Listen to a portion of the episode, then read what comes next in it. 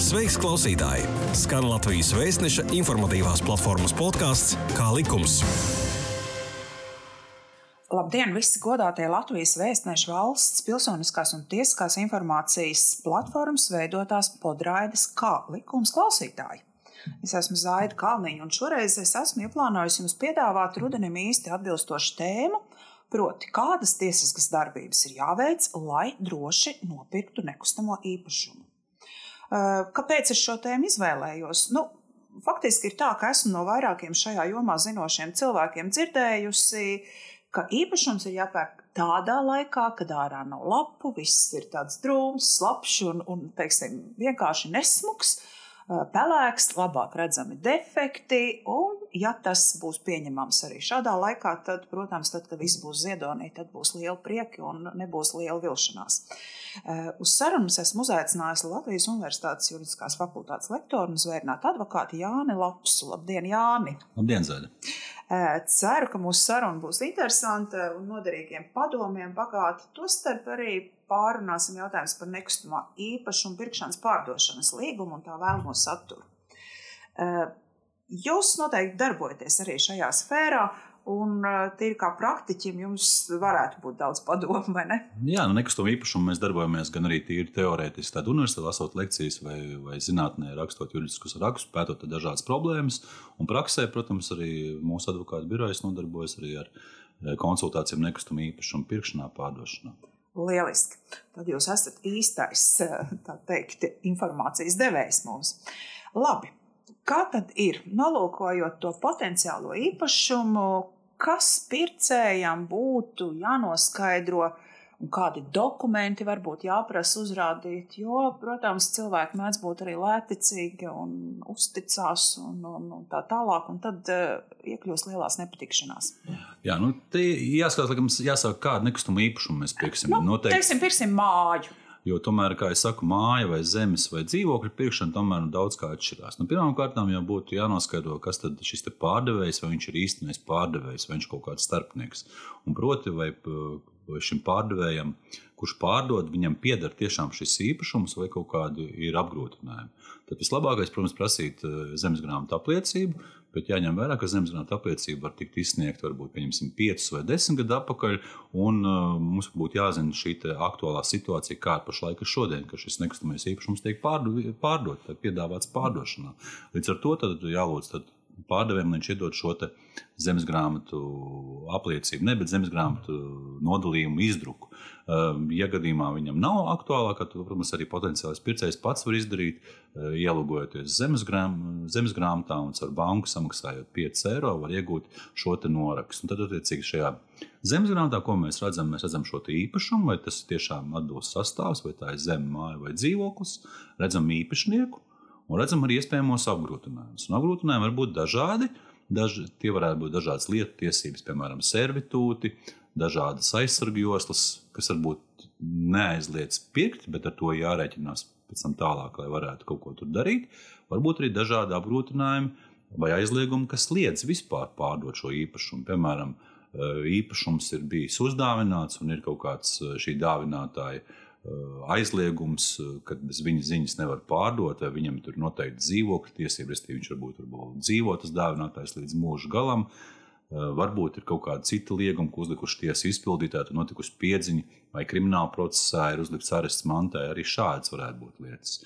Tas būtu tas pats galvenais. Otrs, tad, ja pārdevējs ir fiziska persona, tad būtu jānoskaidro, vai šī persona ir laulībā. Jo atkal, ja nekustamais īpašums iegūts ir laulības laikā, tad iespējams, ka nepieciešama uh, laulātā piekrišana. Nu, te gan atkal, ja katrs gadījums jāizvērtē atsevišķi un jāskatās, vai tur, vai tur ir laulības laikā iegūts vai nav laulības laikā vai laulības laikā, bet tā ir tomēr šī pārdeva atsevišķā manta un tam līdzīgi. Tas būtu par tiem zemes grāmatu dokumentiem. Nu, papildus, protams, ja tā ir Vienalga, vai tas būtu dzīvoklis, māja vai zeme, jāskatās, ja, ja tas dzīvoklis vai māja, tad būtu var palūgt arī to pašu eh, kadastrālās uzmērīšanas lietu, vai mēs redzam, vai tiešām dabā vispār tāda ēka pastāv, vai tas dzīvoklis, vai viņš nav pārbūvēts. Mm, tāpat tās arī zeme, tad zemes robežu plāni. Ja tā iepērk zemi un māju, tad jāskatās, vai tā māja nodota eksploatācijā, vai tā zeme Ja tas ir zemes gabals, vai zemi var, zemes var celt kaut kādā ēkā, varbūt tā ir kaut kādā lieguma zonā, vai tur kaut kāds redzams biotops, un, un tas ir pilnīgi nelikvīds gabals, ko jūs varbūt gribat nopirkt. Jā, ļoti daudz un, un sarežģīti. Uh, jā, kā, kā jūs minējāt, ja īpašumu var tomēr tirgot arī tā pārdevēja vārdā kāda trešā persona, nu, ne pats īpašnieks. Nu, kas, kas tad apliecina to, ka viņš drīkst rīkoties šī īpašnieka vārdā? Nu, tad, tad skaidrs, ka kaut kādu iemeslu dēļ pats pārdevējs nepārdod. Tad tad varētu būt, ka viņam ir pilnvarotā persona, kas pārdod. Un tad atkal jāstāsta, kāda šī pilnvara ir. Tad jālūdz uzrādīt šo pilnvaru. Pilnvars mums var būt trīs veidi - universāla pilnvara, ģenerāla pilnvara vai speciāla pilnvara. Tad ir jānoskaidro, vai šī pilnvara gadījumā nav atsaukta. Kā to noskaidrot? To var noskaidrot notāru padomē, respektīvi, precīzi no galvas nepateikšu, bet viņu mājaslapā ir maksas pakalpojums, to var noskaidrot. Bet, jebkurā gadījumā, pie darījuma slēgšanas, nu, kad slēdz šo pirkuma līgumu, tad arī nostiprinājumu lūgumu sastādot notārs pārbauda, vai pilnotā persona ir tiesīga parakstīt vai neatsaukt pilnvarojums.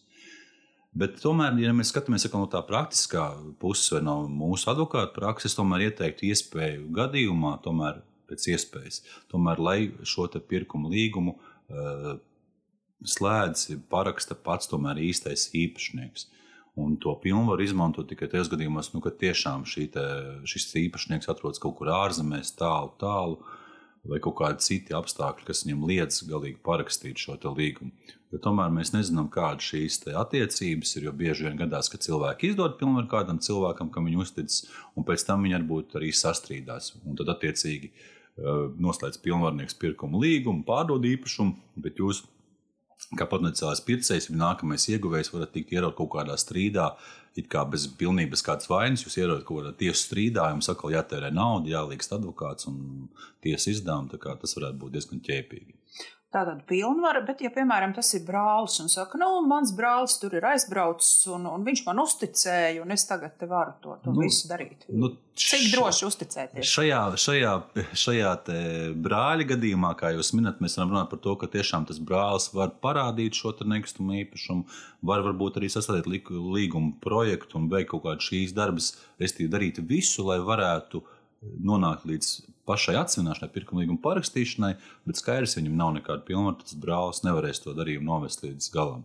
Līdz ar to, tad, ja ir šis brālis, tad, tad, tad mēs varam teikt, labi, parādi man īpašumu, iedod dokumentus, tam pirkuma līguma projektu, bet kad tas īstais īpašnieks būs, kur viņš ir, viņš ir ārzemēs vai viņš ir slimnīcā, kad viņš būs, tad mēs varēsim parakstīt. Un skaidrs, ka, ja mēs sakām par tādu praktisku ieteikumu, nu nevajadzētu šim brālim bez pilnvaras kaut kādu naudu maksāt uz priekšu. Uh, Eh, vai rokas naudu, vai, vai kaut kādu daļu no pirkuma maksas. Jo, diemžēl ir pietiekami daudz arī viltvāži mūsu sabiedrībā.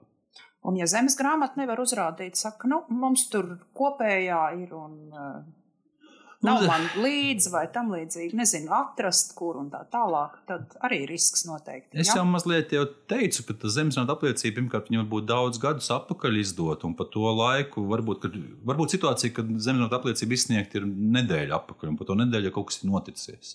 Vai ir kaut kāds arests uzlikts, vai liegums, vai tiek iesniegts jauns nostiprinājuma lūgums. Tāpēc saku, vislabākais eh, uzreiz pašam to izdarīt. Nu, tas ir 5 eiro tikai, un vismaz tik daudz tu esi mierīgs. Ja? Un ļoti daudz cilvēku nezina par šo iespēju, ka tas ir ļoti vienkārši, un tur nav jāiet ne pie notāra, ne pie advokāta. Tu jebkuru īpašumu tu vari iet iekšā, apskatīties gan savu īpašumu, protams, tur bez maksas, bet, teiksim, jūs, piemēram, zaļat man īpašumu, paskatīties, ejot zemes, man maksājat 5 eiro. Un tas nekas tāds nav. Es tikai redzēšu, ka jūs skatījāties man īpašumu, un es jums jautāšu, kāpēc jūs skatījāties man īpašumu. Jā, labi. Uh... Pircējs vēlas pirkt īpašumu kopā ar kādu citu personu, kas nav viņa laulātais. Vai tas ir iespējams? Nu, jā, tāpat tās kā mm, īpašums var piederēt jau vairākām personām. Var piederēt, jau var piederēt šīm divām personām, kas, kas varbūt nav laulātie. Tāpat tās e, īpašums var piederēt vairākām personām, ja nonācis pēc mantojuma, tad mantojot, varbūt teiksim, ir palikuši mirušajam trīs dēli, un tie trīs dēli visi būs pārdevēji. Līdz ar to tieši tāpatās arī pircēji var būt vairāki. Un tas tiek arī izmantots arī bieži vien praksē. Un, kā jau saku, tad, ja laulībā pērk, tad, tad, tad tur varbūt nav pašlaik tik būtiski, uz kā vārdu pērk. Te gan jāatzīmē par to laulību. Tas arī nav tik vienkārši, jo beidzamos gadus bija tiesu praksa, tomēr, kas bija tāda mazliet šo laulības institūta, kā mazliet šajā nekustamā īpašuma jomā mazliet mazināja šo spēku. Un tikai šī gada maijā, 20. gada maijā, nomainījās tiesu praksa, ka tomēr šī laulība, laulāto kopmānas prezumcija atkal spēkā. Tā ka tas bija jau ļoti daudz gadus, un par šādu tiesu spriedumu, protams, es esmu ļoti priecīgs. Tad, līdz ar to nav tik būtiski, kurš pērk vīrs vai sieva. Bet, uh, Pirkšana kopā ar dažādiem cilvēkiem, tas, protams, atvieglo uh, tā, tiem cilvēkiem, kuriem ir šīs partnerattiecības, kā jau varbūt kādreiz teicu, vienzimumu vai, vai arī heteroseksuāls, bet vienkārši viņi pērk kopā. Vai viņi pērk kopā uz pusēm, vai pērk eh, šīs domājamās daļas, vai procentuālo sadalījumu, var vienoties arī pēc, pēc ieguldījuma. Kādreiz kaut kāda investīcija projekta, piemēram, kur teiksim, ir trīs, trīksim, trīs personas, ir nopirkt kaut kādu māju, ir doma teiksim, izremontēt un pārdot. Vienam, pieņemsim, ir 50% un pārējiem diviem pat 25%. Un, attiecīgi, viņi pēc tam izremontē tikpat daudz arī ieguldīt iekšā, pēc tam pārdot dabu atbilstoši domājumam daļām.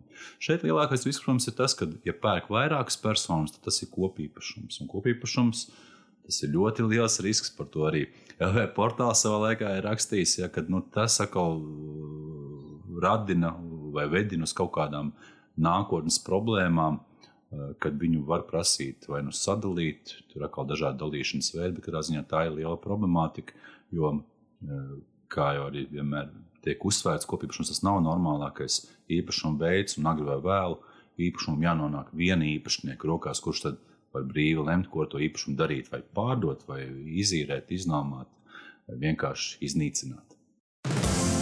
Kā likums? Kā likums? Jā, tu klausies Latvijas Vēstneša informatīvās platformas podkāstu Kā likums? Okay. Uh, jā, par šīm jūs jau minējāt, par to, ka var būt kaut kādas ķīlas virsū un, un, un īpašums var būt dāvināts un tam līdzīgi. Bet ir arī dzirdētas tādas situācijas, ka teiksim, tādi negodprātīgi pārdevēji mēdz tirgot īpašumu vienlaikus vairākiem. Kā pārliecināties, vai nenotiek šāda darbība? Nu, jāsaka, protams, šīs schēmas nekustamā īpašuma pārdošanā, kur tiek izkrāpta naudas līdzekļi vai apkrāpti cilvēki, nu, viņas nav ļoti izplatītas, bet tomēr viņas prītņam ir. Un arī mūsu birojas eh, šo gadu laikā ir saskāries ar tādām problēmām, un esam lūguši un tika ierosināti arī krimināli procesi, vai arī dažādas arī tiesvedības, noteikti civilās tiesvedības. To ļoti grūti konstatēt. Tieši tāpēc, ja mēs runājam par nekustamo īpašumu pirkšanas darījumiem, mums jāizdomā, kāds būs tas, darījums kā tāds. Tad, prot, kad atnāk cilvēki pie mums, un vienalga, ko mēs pārstāvam vai pārdevējam pircējiem, mēs izdomājam, vai tā darījuma tā schēma vai tas pats darījums, lai viņš būtu drošs no abām pusēm. Lai nebūtu tā, ka, piemēram, tu noslēdz pirkuma līgumu, samaksā nezinu, 50,000 eiro un aizies uz zemesgrāmatu, un tur jau ir cits nostiprinājuma lūgums. Tāpēc arī izmanto bieži vien nodot naudu labājumā notāram vai darījumu kontu līgumu bankā vai, vai kaut kādu citu mm, to darījumu schēmu izdomā, bet lai tas būtu droši. Tādas panacējas nav, bet skaidrs, tad slēdz pirkuma līgumu. Ja tā nauda tiek droši kaut kur noglabāta, tad, protams, pie notāra parakstot nostiprinājumu lūgumu, to pārbauda, vai nav kaut kādi apgrūtinājumi, vai nav jau iesniegts kaut kāds nostiprinājuma lūgums. Un arī ir tāda iespēja, arī, arī ja taisa materiāla aktu veidā, tad ir iespēja arī pārsūtīt arī par taisno zemes grāmatu. Proti, ir iespējas vai instrumenti, kā šo risku samazināt. Bet tādi gadījumi nav izslēgti. Ir bijuši tā, ka pārdevēji, pār, no pārdevēja tie krāpnieki paņem pilnvaru, pārdot to īpašumu un vēl vēl caur kādu pārdod un, un ļauj vēl pagaidām padzīvot tam pārdevējam. Pārdevējs bieži vien nemaz nezina, ka tas īpašums jau vairākus mēnešus ir pārdots, un, un, un pēc tam atnāk kāds trešais, ceturtais pircējs, un viņi vienkārši izliek ārā. Jā. Vai šim pārdevējam pēc viņa lūguma būtu jāmaksā tā sauktā rezervācijas nauda, vai nu, rokas nauda, vai slēdzams arī šis rokas naudas līgums? Nu, viņš ir teiksim, ar visiem zemes grāmatu, ar visu. Esmu pārliecinājies, ka viss ir kārtībā. Un viņš saka, nē, nu, vajadzētu tur kaut kādus 5% vai 10% no summas jau ieskaitīt. Jā, tad rokas naudas līgums, protams, ir paredzēts tāds līguma veids civil likumā, un praksē viņu arī izmanto, bet jāteic, ka beidzamos nu, piecus, pat desmit gadus nevienam klientam mēs neiesakām slēgt vairs rokas naudas līgumus. Jo, jo nu, nezinu, kādiem jābūt apstākļiem, lai, kāpēc, kāpēc lai uzreiz neslēgtu pirkuma līgumu. Var slēgt pirkuma līgumu, ja vajag iemaksāt šos 5%, tos var iemaksāt uzreiz. Jo rokas naudas līguma tas nozīmē, nu, ko tas nozīmē? Tas nozīmē, ka rokas naudas līgumu noslēdzam šodien ar domu, ka pirkuma līgumu slēgsim pēc trīs mēnešiem, piemēram. Bieži vien noslēdz rokas naudas līgumu, bet pirkuma līguma projekts nav, netiek pievienots. Līdz ar to, tam, kad jāslēdz pirkuma līguma projekts, tad jau rodas šie strīdi, jo tur vairs nav pa 5% runa, tur jau pa 95%. Un tad, piemēram, šis pircējs saka, es samaksāšu tikai tad, kad būs mana vārda zemes grāmatā, un pārdevējs saka, otrādi, tu samaksāsi, kamēr nebūs zemes grāmatā. Un tad rodas strīdi, un arī pēc tam var būt arī tiesu arī strīds, arī kaut kāda civilā tiesvedība. Ir pat bijuši gadījumi, kad arī rokas līgumu noslēdzot, jānoslēdz līdz datumam tādam, tādam, bet nav pateikts, kur viņš jānoslēdz. Tāpēc, ja kāds slēdz rokas no naudas līgumu, tad mēs sakām, jā, ok, šodien noslēdzam rokas naudas līgumu, bet pirkuma līgums jānoslēdz līdz tādam, tādam datumam, pie notāra tādu un tādu. Un ir bijuši gadījumi, ka pat tajā konkrētajā laikā par pirkumu līgumu ir tie, pietiekoši strīdi, un nāk abas puses ar advokātiem, nāks vērināt tiesas izpildītāji, kas fiksē šos te, un tad, tad mēģina protams, par kaut ko tur vienoties. Tā kā nu, dažādi ir. Es to īpaši neiesaku, jo nu, tur tiešām var būt arī apstākļi arī tādi, kad arī nu, kaut kādu iemeslu dēļ to pirkumu līgumu šis pircējs nevar nopirkt. Un varbūt tas varbūt nav viņa vainas dēļ, bet tāpatās viņš var zaudēt šos iemaksātos 5%. Tā kā tur ir jāskatās un katrā gadījumā konkrēti jāizvērtē, vai vispār vajadzēs slēgt šo rokas naudas līgumu vai nevajadzētu. Un pasaka, Dievs maksāt kontā tā bez nekā. Ne? Jā, un šeit, protams, arī nav izslēgti šie krāpšanas riski. Jo, piemēram, šis krāpnieks, pārdevējs, kurš pārdod vairākiem, viņš šos rokas līgumus saslēdz varbūt 20 gabalus. Ja tādējādi jau pa 5% savācot jau visu nekustamo īpašumu summu un pēc tam pārdodot vēl vienu pa īstam pārdodot līgumu, līdz ar to dabūjis dubultā par šo īpašumu. Uh, sakiet, cik, cik jēdzīgi ir meklēt īpašumu kaut kādās interneta vietnēs, vai kā? Cik tas ir droši? Nu, īpašumu jau kaut kur jāmeklē. Tāpat, tās, protams, ja pārdevējs vēlas pārdot īpašumu, kur viņš šo sludinājumu liks, dzīvojam mēs vismodernā laikmetā, un diez vai šo sludinājumu liks uz kaut kāda reklāmas staba. Neizslēdza kaut, kur, kaut kādos lauku apvidos, kurās mazās pilsētās vai ciemos, tur tiešām var būt uz reklāmas stabu. Bet pamatā, ja mēs runājam par darījumu pilsētās vai, vai, vai, vai kaut kādu lielāku vai dārgāku, tad tiek izmantotas dažādas internetu šīs platformas, sludinājuma portāli. Viņi ļoti dažādi. Nevienu īpaši mēs nereklamēsim šodien, bet nu, tiešām viņi dažādi ir un cilvēki skatās. Protams, tas ir labi, kādēļ labi šie portāli, tādēļ, ka var salīdzināt var salīdzināt līdzīgiem īpašumiem. Piemēram, ja jūs vēlaties nopirkt divus dzīvokli Rīgas centrā, tad jūs apspriest, cik kādi tie dzīvokļi ir. Tur bieži vien ne tikai ir apraksts, arī kaut kādas arī šīs fotografijas, bildes ir. Un, un tāpat tās var salīdzināt gan cenu, un, un saprast, vai jūs to varat atļauties vai nevarat atļauties. Bieži vien šajos portālos, protams, tās cenas ir nedaudz augstākas, lai jau automātiski uzliek nedaudz augstāku cenu, lai pēc tam, kad, kad vienojās, lai varētu, varētu tā kā dot tā kā nedaudz tā kā atlaidi. Nu, tas būtu tāds, ko varētu. Vai ir atšķirība, vai pārdod īpašnieks vai mākslinieks? Nu, es saku, mākslinieks jau parasti ir tas, kad viņš, viņš, viņš parāda šo dzīvokli. Viņš ir iemācījies pārdošanu kā tādu, zināms, psihologu prasmes ir. Un, nu, Es nevaru teikt, ka es neiesaku vai iesaku mākslinieks izvēlēties nekustamo īpašumu pārdošanai, bet, ja īpašums ir varbūt nu, kaut kāds varbūt tāds specifisks, varbūt, kā saka, varbūt ne tik varbūt labs, varbūt sarežģīts, varbūt plānojums, tad kaut kādu varbūt sarežģītāk tomēr uzticēt kaut kādiem profesionāļiem, lai viņi pārdod. Bet nu, viņš tikai parasti, parasti jau mākslinieks tomēr parāda šo īpašumu, vai viņiem arī māksliniekam ir pietiekoši liela klientu datu bāze, ka varbūt kāds jau ir, ir potenciālais pircējs. Tur varētu būt tie pusi kad ir šis mākslinieks. Un tālāk, ja, protams, tas ir viens, kad atrod šo pircēju, bet otrs jau pēc tam jānoformē šis darījums, un tad jau jāvēršās, tomēr, manuprāt, man būtu vai nu pie advokāta vai pie notāra pēc palīdzības. Kā var noskaidrot, ka pārdevēja nosauktā summa tiešām varētu būt konkrētam īpašumam atbilstoša? To grūti noskaidrot, jo tomēr tas ir tirgus, tas ir pieprasījums un piedāvājums, kā jebkurā tirgus attiecībā, un attiecīgi par šīm summām. Nu, piemēram, ja jūs vēlaties pirkt šo dzīvokli, un mēs saprotam, ka dzīvokli nopirkt tas nav teiksim, aiziet uz veikalu, nopirkt maizi vai, vai, vai ūdeni. Līdz ar to mēs parasti šo dzīvokli pērkam ilgstošā laika posmā. Un šeit reizēm, ja, ja seko līdzi kādam konkrētam šim sludinājumu portālam, var redzēt, ka ir kaut kādi sludinājumi, kur jau ir. Kur Šajā portālā stāv mēnesi, divus, pat pusgadu vai gadu. Tad skaidrs, ka šeit šo cenu ir ļoti, ļoti augstu pārdevējs grib, un skaidrs, ka neviens nepērk, neviens neinteresējas. Un tad var arī pasakot kādu īpašumu, ka viņš pēc kāda laika maksā kādu tūkstošu jau lētāk. Tā varētu būt par tām cenām. Nu, ja galīgi, nu, protams, par, par dzīvokļiem tas būtu vienkāršāk. Sarežģītāk varbūt būtu par kaut kādām um, zemēm vai, vai lauku īpašumiem. Par zemēm ir sevišķi, ja tur teiksim, ir mežs, tad attiecīgi uh, jās, jāvērtē. Par mežu teiksim, varētu nu, noskatot teiksim, taksāciju veikt. Noskatot, cik ir šī krāja, cik ir cērtamais mežs, attiecībā par lauksaimniecības zemi, kur viņš atrodas. Mēs zinām, to arī tādu vispār zināmu informāciju, ka, piemēram, zemgālē lauksaimniecības zemes ir stipri dārgākas nekā, pieņemsim, kaut kur Latvijas ziemeļos, ja? vai, teiksim, kurzemes skaistā, bet, diemžēl, neauglīgā augsne. Ja? Tur var, to, var šīs atšķirības sajust. Un, protams, ja galīgi, galīgi ne, cilvēks neorientējās, nu, tad arī viņam šim pircējam jāņem šis mākslinieks vai kāds nekustamā īpašuma darījuma jomas speciālists, varbūt arī tas advokāts, notārs, varbūt viņš pārzina šos jautājumus. Viņš pasaka, nē, nē, šis ir par dārgu, šis ir lētāk.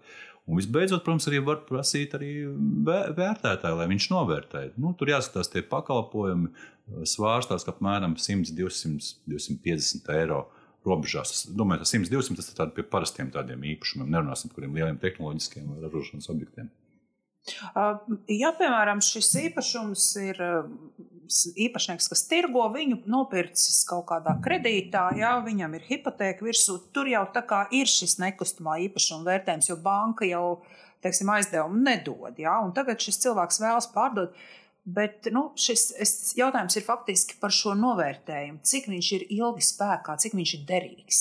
Tirgus mainās. Jā, protams, ka tirgus mainās un grūti pateikt, cik viņš ir, tik, cik viņš ir uh, derīgs. Nu, parasti jau viņi ir trīs vai seši mēneši. Un, kā es pareizi minēju, tad, ja tu grib vēlies pirkt īpašumu, kura jau ir bankas hipoteka, tad jāskatās, ka tas aizdevuma līgums un ka tas īpašums ir iegādāts, ka tas pārdevējs ir iegādājies. Vai viņš iegādājies 5 gadus atpakaļ, 10 vai viņš iegādājies vienu mēnesi. Ja viņš iegādājies vienu vai divus mēnešus atpakaļ, tad atkal kāpēc viņš grib pārdot? Varbūt tas īpašums nemaz nav tik labs. Jā, jā. Viņš nopirks kādā jaunā projektā un ir dzirdēts, ka jaunā projektā ir tiksim, kaut kādas problēmas. Vai tur kaut kas nav ar izolāciju, vai tur kaut kādas mm, apgādes darbi slikti veikti, vai nu, visāds var, būt problēmas. Līdz ar to mm, par to būtu jāskatās. Bet nu, par to vērtējumu nu, nu, tā, es teiktu, tā, ka tomēr tas tirgus jau nosaka, un tā situācija var mainīties ka nācamies krīzes rezultātā viņi mainījās arī, nu, es negribu teikt, vienā dienā, bet viņi mainījās arī mēnešu ietvaros. Tāpēc ja mēs šodien pērkam īpašumu, ja vēlamies pirkt, tad mēs darām šo cenu salīdzināšanu, prasām attiecīgās jomas ekspertiem, un tad nonākam, skatāmies, ka, ko mēs vēlamies, kāda ir mūsu maksātspēja, iespējas, un mēģinām saprast, nopirkt labu, kvalitatīvu, par saprātīgu cenu, nepārmaksājot. Ja pārāk lēts īpašums, tad tas var būt aizdomīgi, ka tur kaut kāda kaut kāda trūkuma varētu būt. Nu, labi, par dzīvokļiem. Eh, es domāju, ka tirgo arī tādu sludinājumu portālu varētu būt pilni ar tiem dzīvokļiem, kas ir tā saucamajās paneļu mājās, eh, bloku mājās, ja, kas ir celtas 70. un 80. gados. Un, nu, ja mēs parēķinām, tur jau ir savi 50 gadi pagājuši kā minimums. Ja.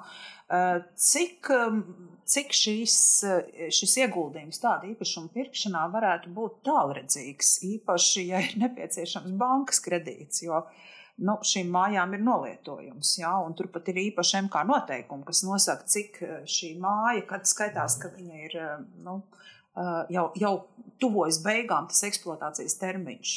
Vai jūs ieteiktu pirkt dzīvokli tādā mājā, kas jau tuvojas eksploatācijai uz beigām? Protams, ministrs kabineta noteikumi ir un tiešām atkarībā no tā, kāda veida tā māja, vai tas ir betons, mūris vai, vai koku māja, tur ir šis derīguma termiņš. Bet jāsaka, ka šie derīguma termiņi praksē jau rāda, ka šie derīguma termiņi noteikti ir kaut kāda rezerve. Tas nav tā, ka, ka tas ir maksimālais, nu, teiksim, uzceļ māju. Kā jūs sakat, paneļa māja, ja piemēram tur ir 60 gadi, viņai tas termiņš, ka pēc 60 gadiem viņi jājauc nost. Tā, tā jau nav. Svarīgi jau tomēr tas ir, kā šīs mājas tiek uzturētas. Mēs jau to Eh, grūti to noskaidrot, bet mēs arī saprotam, ka, paldies Dievam, kā saka, trīsreiz pāri plecam jāspļāv. Mums Latvijā nav bijusi neviena tāds gadījums, ka kāda māja pēkšņi sabruktu. Eh, tās mājas, kas ir varbūt palikušas sliktākā stāvoklī, tās kaut kā ir pašai par sevi atbrīvojušās un tās tiek nojauktas. Mums nav neviena traģiska gadījuma, kā piemēram mums, teiksim, tajā pašā Krievijā, vai kur, kur tiešām mājas sabruka un cilvēki aiziet bojā. Par to mēs varam būt laimīgi par to, kādā stāvoklī māja ir vai šis dzīvoklis, ko pērk. Nu, protams, tur ir atkal ir gadījumi, kad jāpieaicina atkal attiecīgs cits speciāls būvinženieris, kurš varbūt vismaz sākotnējo novērtējumu var dot. Otrs ir, ja var prasīt šim potenciālam pārdevējam, vai kas ir noticis ar beidz, beidzamajos gados ar jūsu māju, kādu remontu darbu veikt. Proti, katrs dzīvokļu īpašnieks saņem no pārvaldnieka šo potenciālo tāmi, vai remontdarbu izdevumus. Tāpat tās ir dzīvokļu īpašnieki pārņēmuši eh, šo māju pašu paš pārvaldīšanā, apsaimniekošanā, viņi pieņem kaut kādus kopības lēmumus.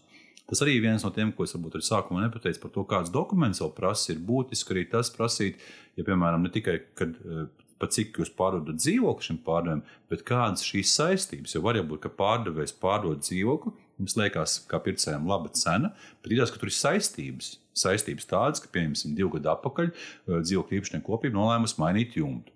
Un tam ir iztērēts, pieņemsim, 100 tūkstoši un paņemts aizdevums. Tas nozīmē, ka uh, rēķinājums pa parastai pozīcijai, kas varbūt būtu 50 eh, centi līdz eiro par kvadrātmetru, ir papildus vēl 2 eiro par kvadrātmetru.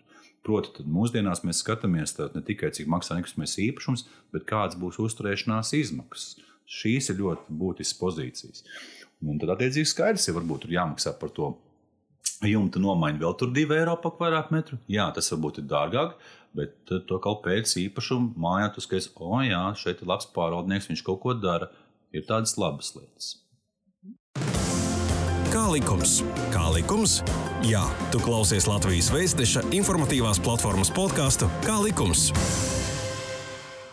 Ar ko jārēķinās tādam pircējam, kas izdomājas iegādāties kaut kādu neapdzīvojamo telpu, nu, piemēram, nezinu, kaut kādu tur kādreiz ražotne bijusi, vai kā viņš varbūt domā nodarboties ar biznesu un, un pie reizes tur arī nu, dzīvot, vai viņš to drīkstēs darīt. Nu, jā, mēs runājam par tādām daudz dzīvokļu mājām, tad skaidrs, ka daudz dzīvokļu mājās ir dzīvojamās telpas un nedzīvojamās telpas. Vispār likums izšķir trīs veidus šīs dzīvokļu īpašuma veidus. Tātad nedzīvojamās telpas, dzīvojamās telpas, mākslinieka darbnīcas. Un, eh, lai jebkuru no šiem veidiem pārveidot par citu veidu, tad attiecīgi notiek saskaņošana attiecīgi arī dzīvokļu īpašnieku kopības lēmumu, lēmumu ietvaros, ja kopības ietvaros, un attiecīgi arī būvvaldē. Un, protams, arī jāskatās arī.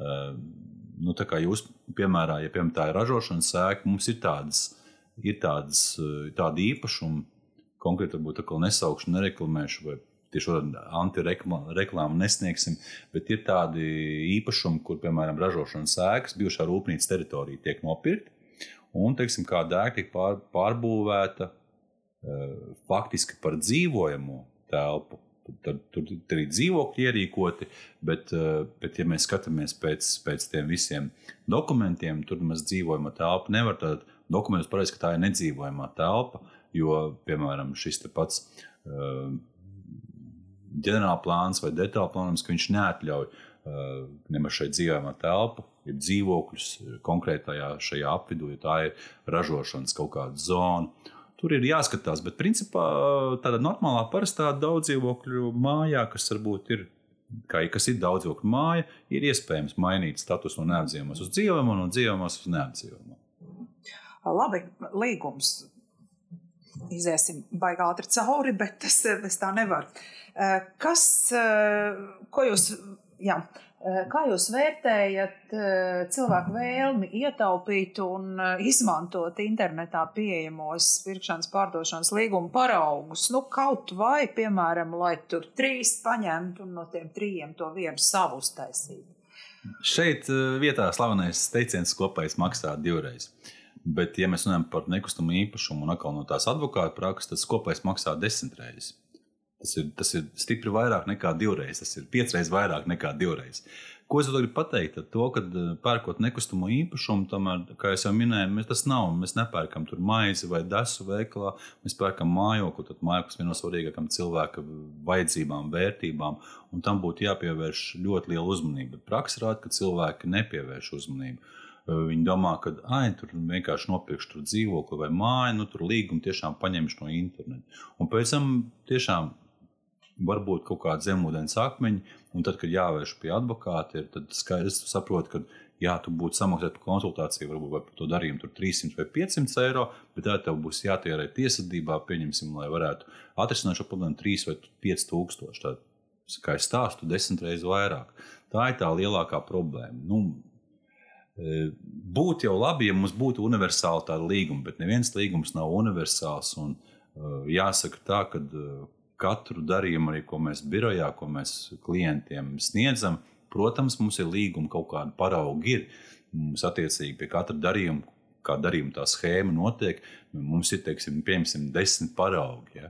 Bet tāpat tās katru reizi nav tā, ka tikai tu paņem to savu, pat jau savu, savu izstrādāto paraugu, ka tu ieliec tikai personas datus, tur zemes grāmatu un visu, un, un visi summas, un viss ir kārtībā. Tu tomēr katru reizi kaut kādas nianses ir, kaut ko varbūt grib pārdevējs, kaut ko grib pircējs, kaut kādu pienākumu, tur varbūt kaut kādu nosacījumu, un katru reizi tas līgums ir, ir mazliet jāpagroza līdz ar to Tāpēc es arī nevienam neiesaku izmantot šos internetu līgumus. Un kādreiz arī, teiksim, arī draugi paziņas, viņi saka, viņi saka, nu, tu tur nodarbojies nekustamiem īpašumiem, varbūt tu vari atsūtīt līgumu. Es saku, es jums līgumus varu aizsūtīt simts gabalus, bet eh, jūs varat eh, viņus izmantot visus, kā jūs gribat, tas no autora tiesībām, kā teikt. Atsakos, bet, ja kaut kāds būs problēmas, es par viņiem neatbildu. Jo nav tā, ka nosūta līgumu un tad viss ir kārtībā. Tad jau juristi nebūtu vajadzīgi. Advokāti. Jā, laikam šajā jomā ar pašdarbību nenodarboties. Uh, Mēs neizskatīsim, kam ir jābūt līguma saturā obligāti, ja, jo tiešām ir šāds nopietns darījums jāveic pie jurista. Ja, eh, bet jautāšu par ko citu. Jā, īpašuma pirkšana, pārdošana saistīta ir ar kapitāla pieauguma nodokļu maksāšanas pienākumu eh, no darījuma summas, un eh, arī īpašuma tiesība reģistrācija ir saistīta ar zināmiem nodokļiem, kas arī ir saistīts ar, ar šo, par cik ir nopirkts īpašums. Ko jūs iesakat darīt tajā gadījumā, kad gudrais pārdevējs grib summu norādīt mazāku, un arī pircējs ir ieinteresēts, lai viņam būtu mazāka nodeva jāmaksā? Cik šis mēģinājums ir veiksmīgs? Nu, pirmā tēze laikam būtu tāda, ka nodokļus, lai kā mēs negribētu, būtu jāmaksā. Un jāsaprot, ja tu ar kaut ko kādreiz krāpies, uh, tad jebkurš noziedzīgs nodarījums atstāja pēdas un te var sapielikt monoties atbildības. Tas būtu tā, nu, varbūt mazliet varbūt skarbi, bet tā, tā ideja tāda ir. Ja mēs runājam par kapitāla pieauguma nodokli un arī par, par šīm nodevām zemesgrāmatā, tad man jāteic, ka tiešām ir mainījusies tā kārtība nodokļu piemērošanā. Mēs nevaram salīdzināt uh, praksi 15 vai 20 gadu atpakaļ, kad var teikt, no nekustamā īpašuma darījumiem principā nebija jāmaksā nekādi nodokļi, un ka tas ir ļoti paliek ar vien sarežģītāk.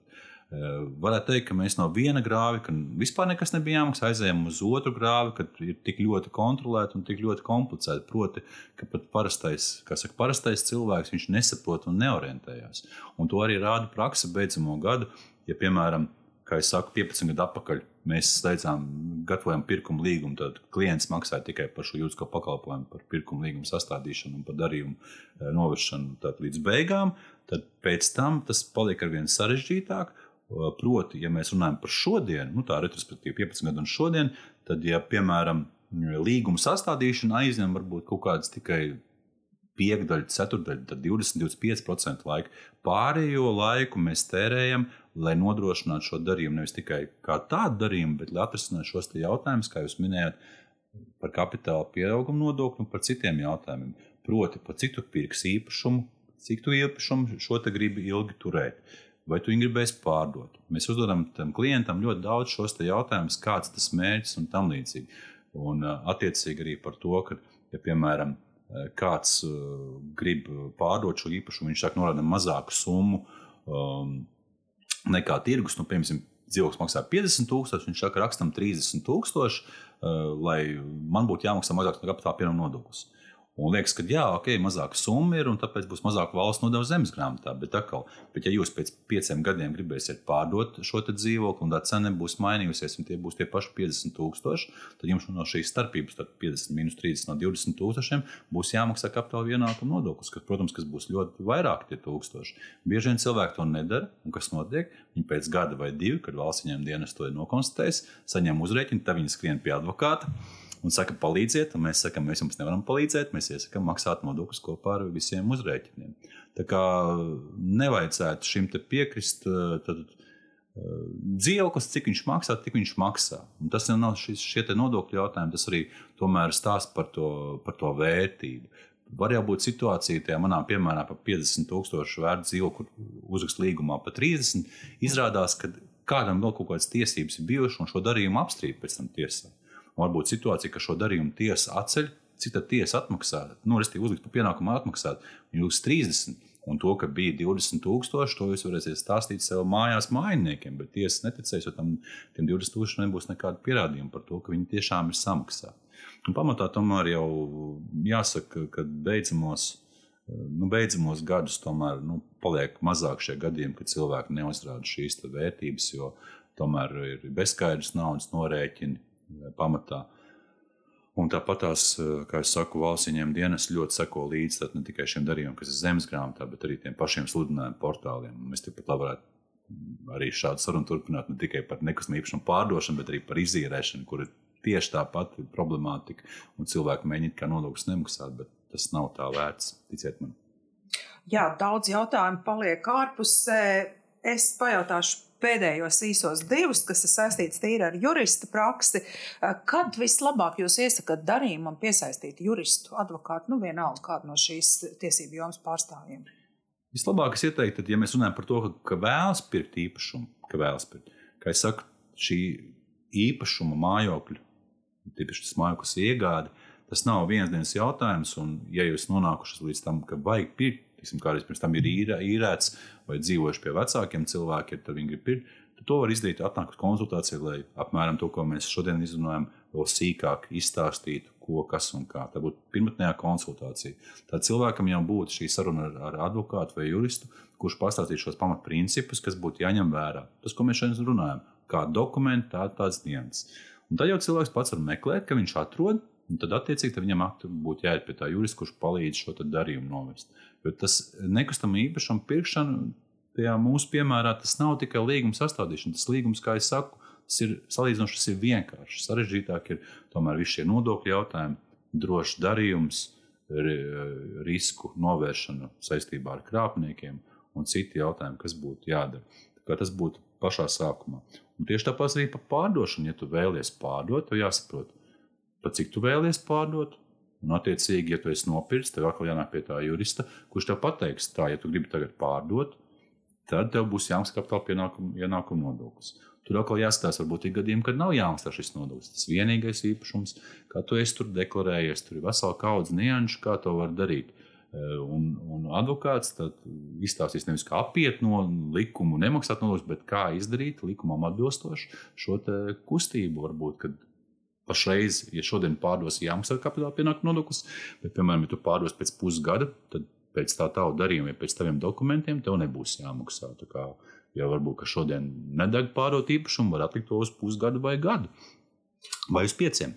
Ok, un pēdējais, vai e, šī, šī jurista pakalpojumi ir saistīti ar šo darījumu summu? Kaut kā proporcionāli, vai arī tas ir drusku citādāk? Ja mēs runājam par praksi, tad par mākleriem, tad par pirkšanu, pārdošanu, tad pircēju atrašanu vai pārdevēju atrašanu, tad tur ir parasti šī procentuālā summa. Eh, no pirkuma maksas, savukārt no advokātiem vai juristiem, kuriem sniedz šo pakalpojumu, tur ir dažādi, dažādi iespēja vienoties. Tā var būt gan kaut kāda procentuāla summa, procents no pirkuma maksas, tas var būt gabaldarbs, tas var būt stundas likme Tas jau nu kā, kurš jurists vai advokāts organizē savu darbu. Jauki. Man ir pilna galva ar nākamajiem jautājumiem. Es jūs labprāt aicinātu uz sarunu arī turpmāk. Tātad pirmām kārtām, kā izbeigt kopīpašumu, es jau te vienu tēmu dzirdēju, tad ir šī izīrēšanas lietas un Protams, vēl varam izdomāt ļoti daudz citas. Paldies par sarunu, daudz vērtīgu padomu. Es domāju, arī mūsu klausītājiem. Ar jums kopā bija Zaida Kalniņa un Jānis Lapsa. Uz tikšanos Latvijas vēstneša valsts pilsoniskās un tiesiskās informācijas platformas podraidē, kā likums arī turpmāk. Šī bija iknedēļas pusstunda kopā ar oficiālā izdevēja Latvijas vēstneses informatīvās platformas podkāstu Kā likums. Pastāsti citiem, ja bija noderīgi un interesanti. Kā likums, tiekamies ik trešdienu!